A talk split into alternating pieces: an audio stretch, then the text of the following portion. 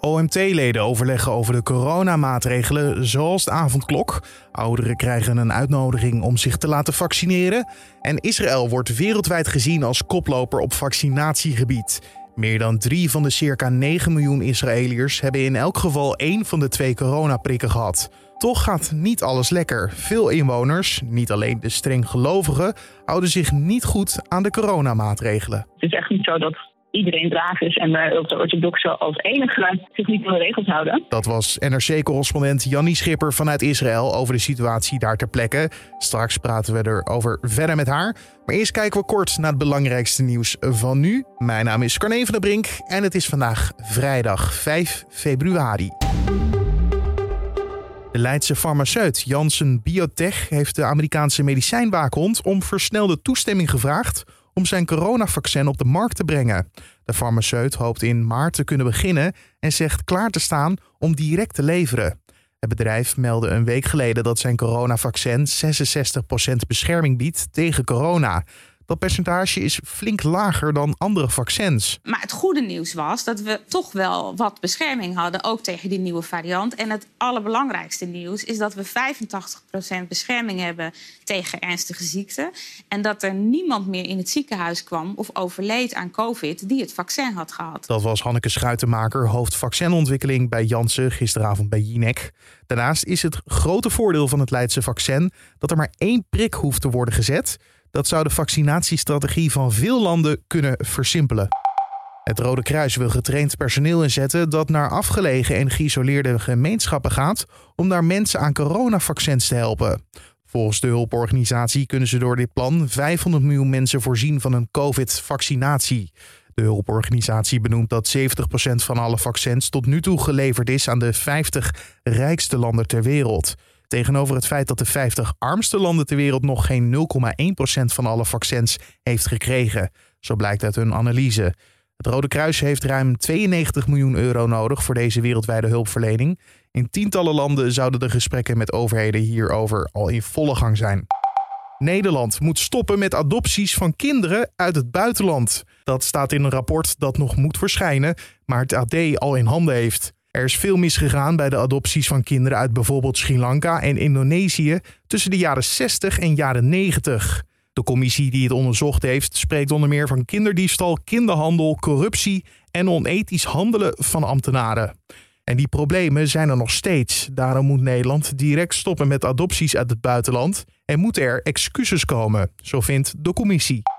Het Amerikaanse Huis van Afgevaardigden heeft donderdag besloten om het omstreden Republikeinse congreslid Marjorie Taylor Greene uit twee belangrijke parlementscommissies te zetten. Greene raakte in opspraak vanwege het verspreiden van samensweringstheorieën en het oproepen tot geweld tegen democraten. Green, die voor de staat Georgia in het parlement zit, is een fervent aanhanger van de inmiddels vertrokken president Donald Trump en blijft volhouden dat hij de presidentsverkiezingen heeft gewonnen. In het parlement werd gisteren ook een controversieel Facebook-bericht van Green getoond. It shows her holding an AR-15 style assault rifle next to images of Democratic congresswomen with the headline "The Squad's Worst Nightmare." Vorige week zondag besloot de Israëlische regering om de lockdown met vijf dagen te verlengen, nadat deze oorspronkelijk die nacht beëindigd zou worden. Israël wordt wereldwijd soms aangehaald als voorbeeld van wat de juiste vaccinatiestrategie is. Inmiddels hebben al meer dan drie van de circa 9 miljoen Israëliërs in elk geval één van de twee coronaprikken gehad. Desondanks neemt het aantal besmettingen in het land nog toe. Van een versoepeling van de lockdown is dan ook nog steeds geen sprake.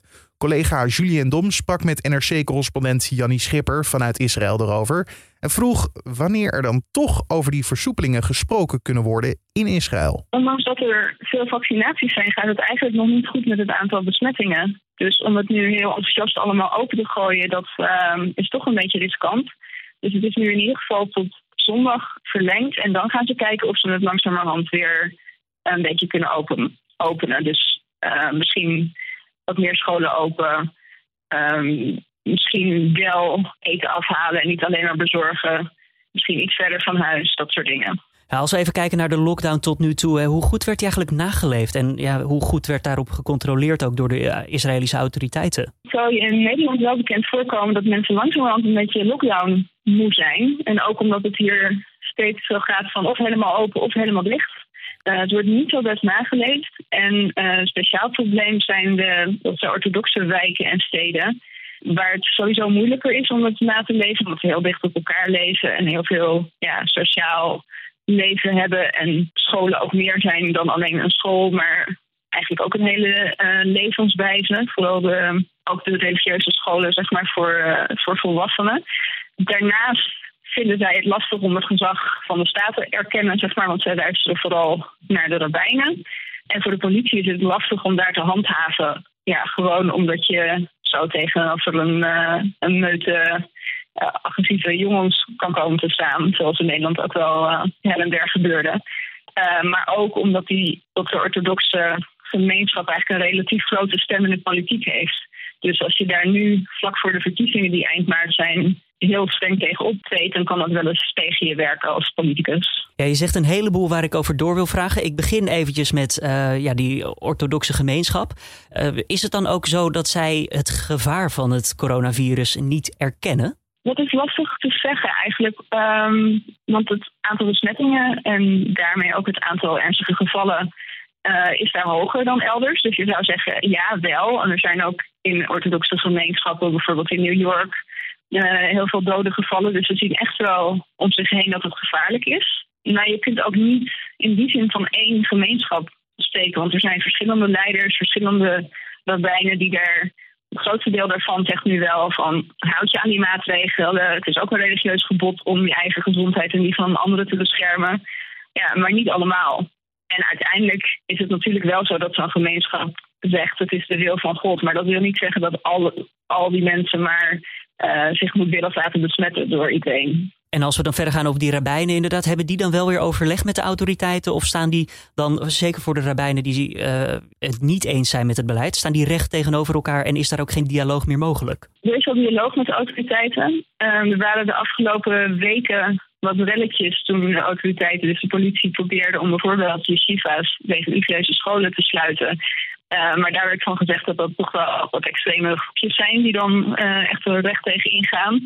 Maar uiteindelijk blijkt dat de rabbijnen waarmee de politici praten ook maar beperkte invloed hebben. Dus er is wel dialoog en het heeft ook wel geholpen dat er met bepaalde belangrijke rabbijnen gesproken wordt. Maar het zegt niet alles. Het lost niet alles op. En ondanks deze nou, tegenslag, om dat maar zo te noemen, dat niet iedereen uh, er zo mee omgaat, staat Israël toch wel bovenaan de lijst als het gaat om hoe gaan landen om met de coronacrisis. Ze vaccineren als mallen. Ze vaccineren als een ja. Uh, 35% van de bevolking heeft nu al in ieder geval een eerste shot gehad. Want je moet natuurlijk twee doses hebben voordat je bijna volledig beschermd bent.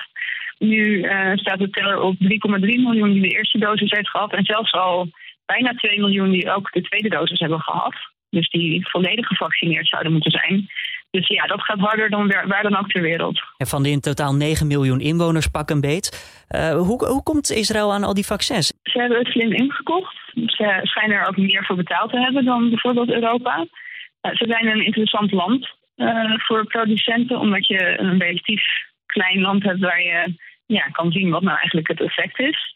Ze hebben daar ook overeenkomsten met Pfizer over gesloten dat ze bepaalde gegevens verstrekken aan die fabrikanten, zodat die daar weer dan onderzoek op kunnen baseren. Dus het is een combinatie. Oftewel, de hele wereld kijkt eigenlijk met grote ogen naar Israël. Wat gebeurt daar op dit moment gezien die snelle vaccinatie en wat kunnen wij daarvan leren? Ja, denk ik wel. Maar het, het gaat dus nog niet allemaal zoals we zouden willen. En dat komt deels door een gebrek aan nalezing van die lockdown. Maar ook uh, nou ja, heel simpel dat nog niet alle effect te zien is. Uh, want daar zit natuurlijk altijd een paar weken vertraging in. Dat zouden we pas over een paar weken echt kunnen zien. En net als ergens anders uh, heerst hier natuurlijk ook de Britse variant. Die gewoon, ja, daar valt niet op tegen op te vaccineren bijna. Is daar meer angst voor nu? Uh, alsnog merk je dat mensen, ook al zijn ze gevaccineerd, uh, nog meer de maatregelen naleven dan eerder het geval was? Ja, het is wel grappig dat je dat vraagt. Want ik dacht net dat ik het over de orthodoxe had. Van, moet misschien benadrukken dat ook andere Israëli's die maatregelen vrolijk aan hun huis lappen. Dus die gaan ook gewoon op een bankje in het, uh, in het park zitten of um, nou ja, zelfs feestjes houden en zo. Dus het is echt niet zo dat iedereen braaf is en de orthodoxen als enige zich niet aan de regels houden. Ik denk dat de mensen die nu een vaccinatie hebben gehad, die zijn heel optimistisch. Uh, in het algemeen heerst hier wel een optimisme van, nou ja, wij hebben straks allemaal een vaccinatie, of in ieder geval de bevolking boven de 16. En dan zijn we veilig. Er wordt ook al gepraat over een green passport, dus waar je dan weer meer mee zou mogen, bijvoorbeeld cafés in of reizen. Maar ja, de praktijk is dat op dit moment het aantal besmettingen gewoon nog wel heel hoog is, ook al loopt het wel terug. En dat het dus nog helemaal geen uh, gewonnen slag is op dit moment. Dus je zou je eigenlijk nog, nog gewoon aan de maatregelen moeten houden, ook al ben je ingeënt. Het is natuurlijk ook niet helemaal duidelijk of je nog andere mensen kan besmetten dan. Maar of mensen dat doen, uh, vraag me af. Dat is een tweede, ja. Er is wel een soort van uitvoering van. ja. ja. Hey, om het nog uh, ja, complexer te maken, alsof het nog niet moeilijk genoeg is en lastig genoeg is, is de discussie al ontstaan over of Israël een rol heeft in het inenten van de Palestijnen? Ja, die discussie loopt al een tijdje. Veel internationale organisaties en mensenrechtenorganisaties vinden dat Israël als bezettende macht verantwoordelijk is voor um, ja, iedereen die onder hun gezag valt, dus ook de Palestijnen. Israël denkt daar onder andere tegen in uh, dat de Palestijnen in de jaren negentig de Oslo-akkoorden hebben gesloten. En daar is de Palestijnse autoriteit verantwoordelijk geworden voor de medische zorg. Maar ja, zeggen dan weer de mensen uh, die er tegen zijn van ja, ook die Palestijnse autoriteit gaat ondertussen nog weer onder de Israëliërs, want die kunnen niks zelfstandig. Nou ja, enzovoort. Uh, de stand van zaken nu is dat Israël 5000 doses heeft uh, beloofd aan de Palestijnen. Wat natuurlijk niks is op een miljoenenbevolking. Um, dat ze zelf verwachten een Russische Sputnik-vaccin te ontvangen. Daar hebben ze ook al een deel van ontvangen. Dus ze zijn begonnen met vaccinaties uh, van medisch personeel. En dan wachten ze nog op vaccinaties van het, ja, de Wereldgezondheidsorganisatie. Alleen daar uh, zit veel vertraging in. Dus dat, ja, dat geldt eigenlijk voor um, de hele scheiding tussen armere en rijkere landen. Nu dat ja, veel landen toch achterblijven en maar moeten afwachten of en wanneer ze dan eens een keer die vaccins krijgen. Ja, die 5000 prikken die dus voor de Palestijnen worden eh, gereserveerd door de Israëli's. Eh, dat is toch helemaal niks. Dan kan je jezelf toch bijna niet meer serieus nemen. Ik bedoel, hier in Nederland klagen we over een eh, slecht prikbeleid, dat het te langzaam gaat. Maar ondertussen staat de teller wel op enkele honderdduizenden.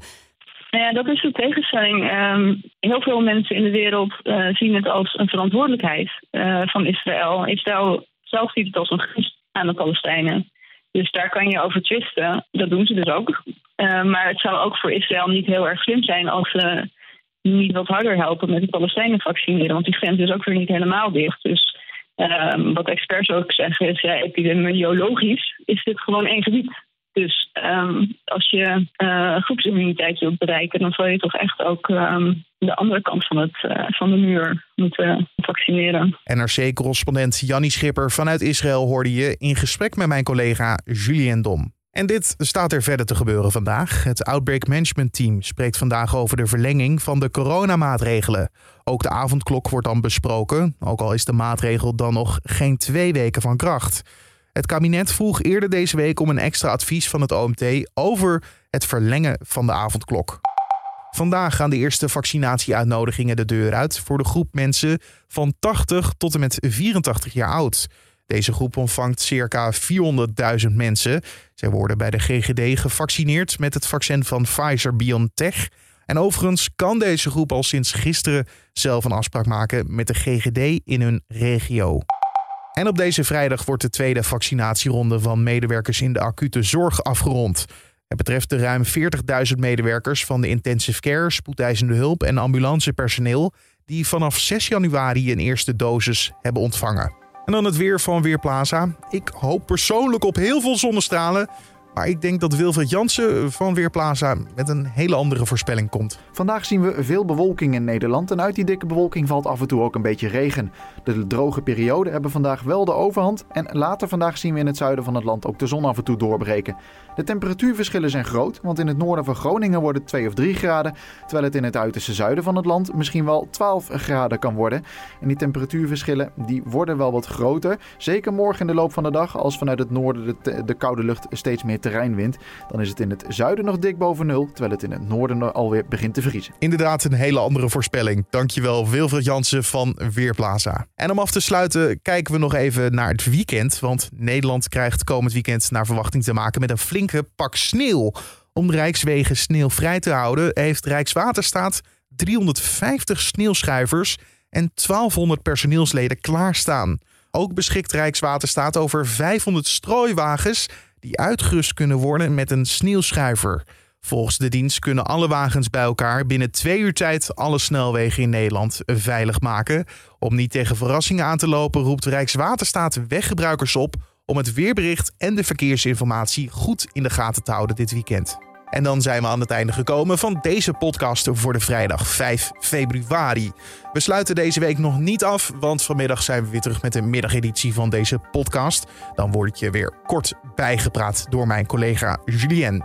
Die hoor dus vanmiddag in dezelfde feed als deze of op de voorpagina van nu.nl. En wil je geen aflevering missen? Dat kan heel makkelijk door je gewoon gratis te abonneren in je favoriete podcast app. Denk dan aan een Spotify, Apple Podcast of Google Podcast en zoek dan naar Dit wordt het nieuws. Dan vind je ons. Mijn naam is Carne van der Brink. Ik wens je een hele mooie dag, alvast een heel fijn weekend en ga genieten van de sneeuw. Maar doe wel voorzichtig.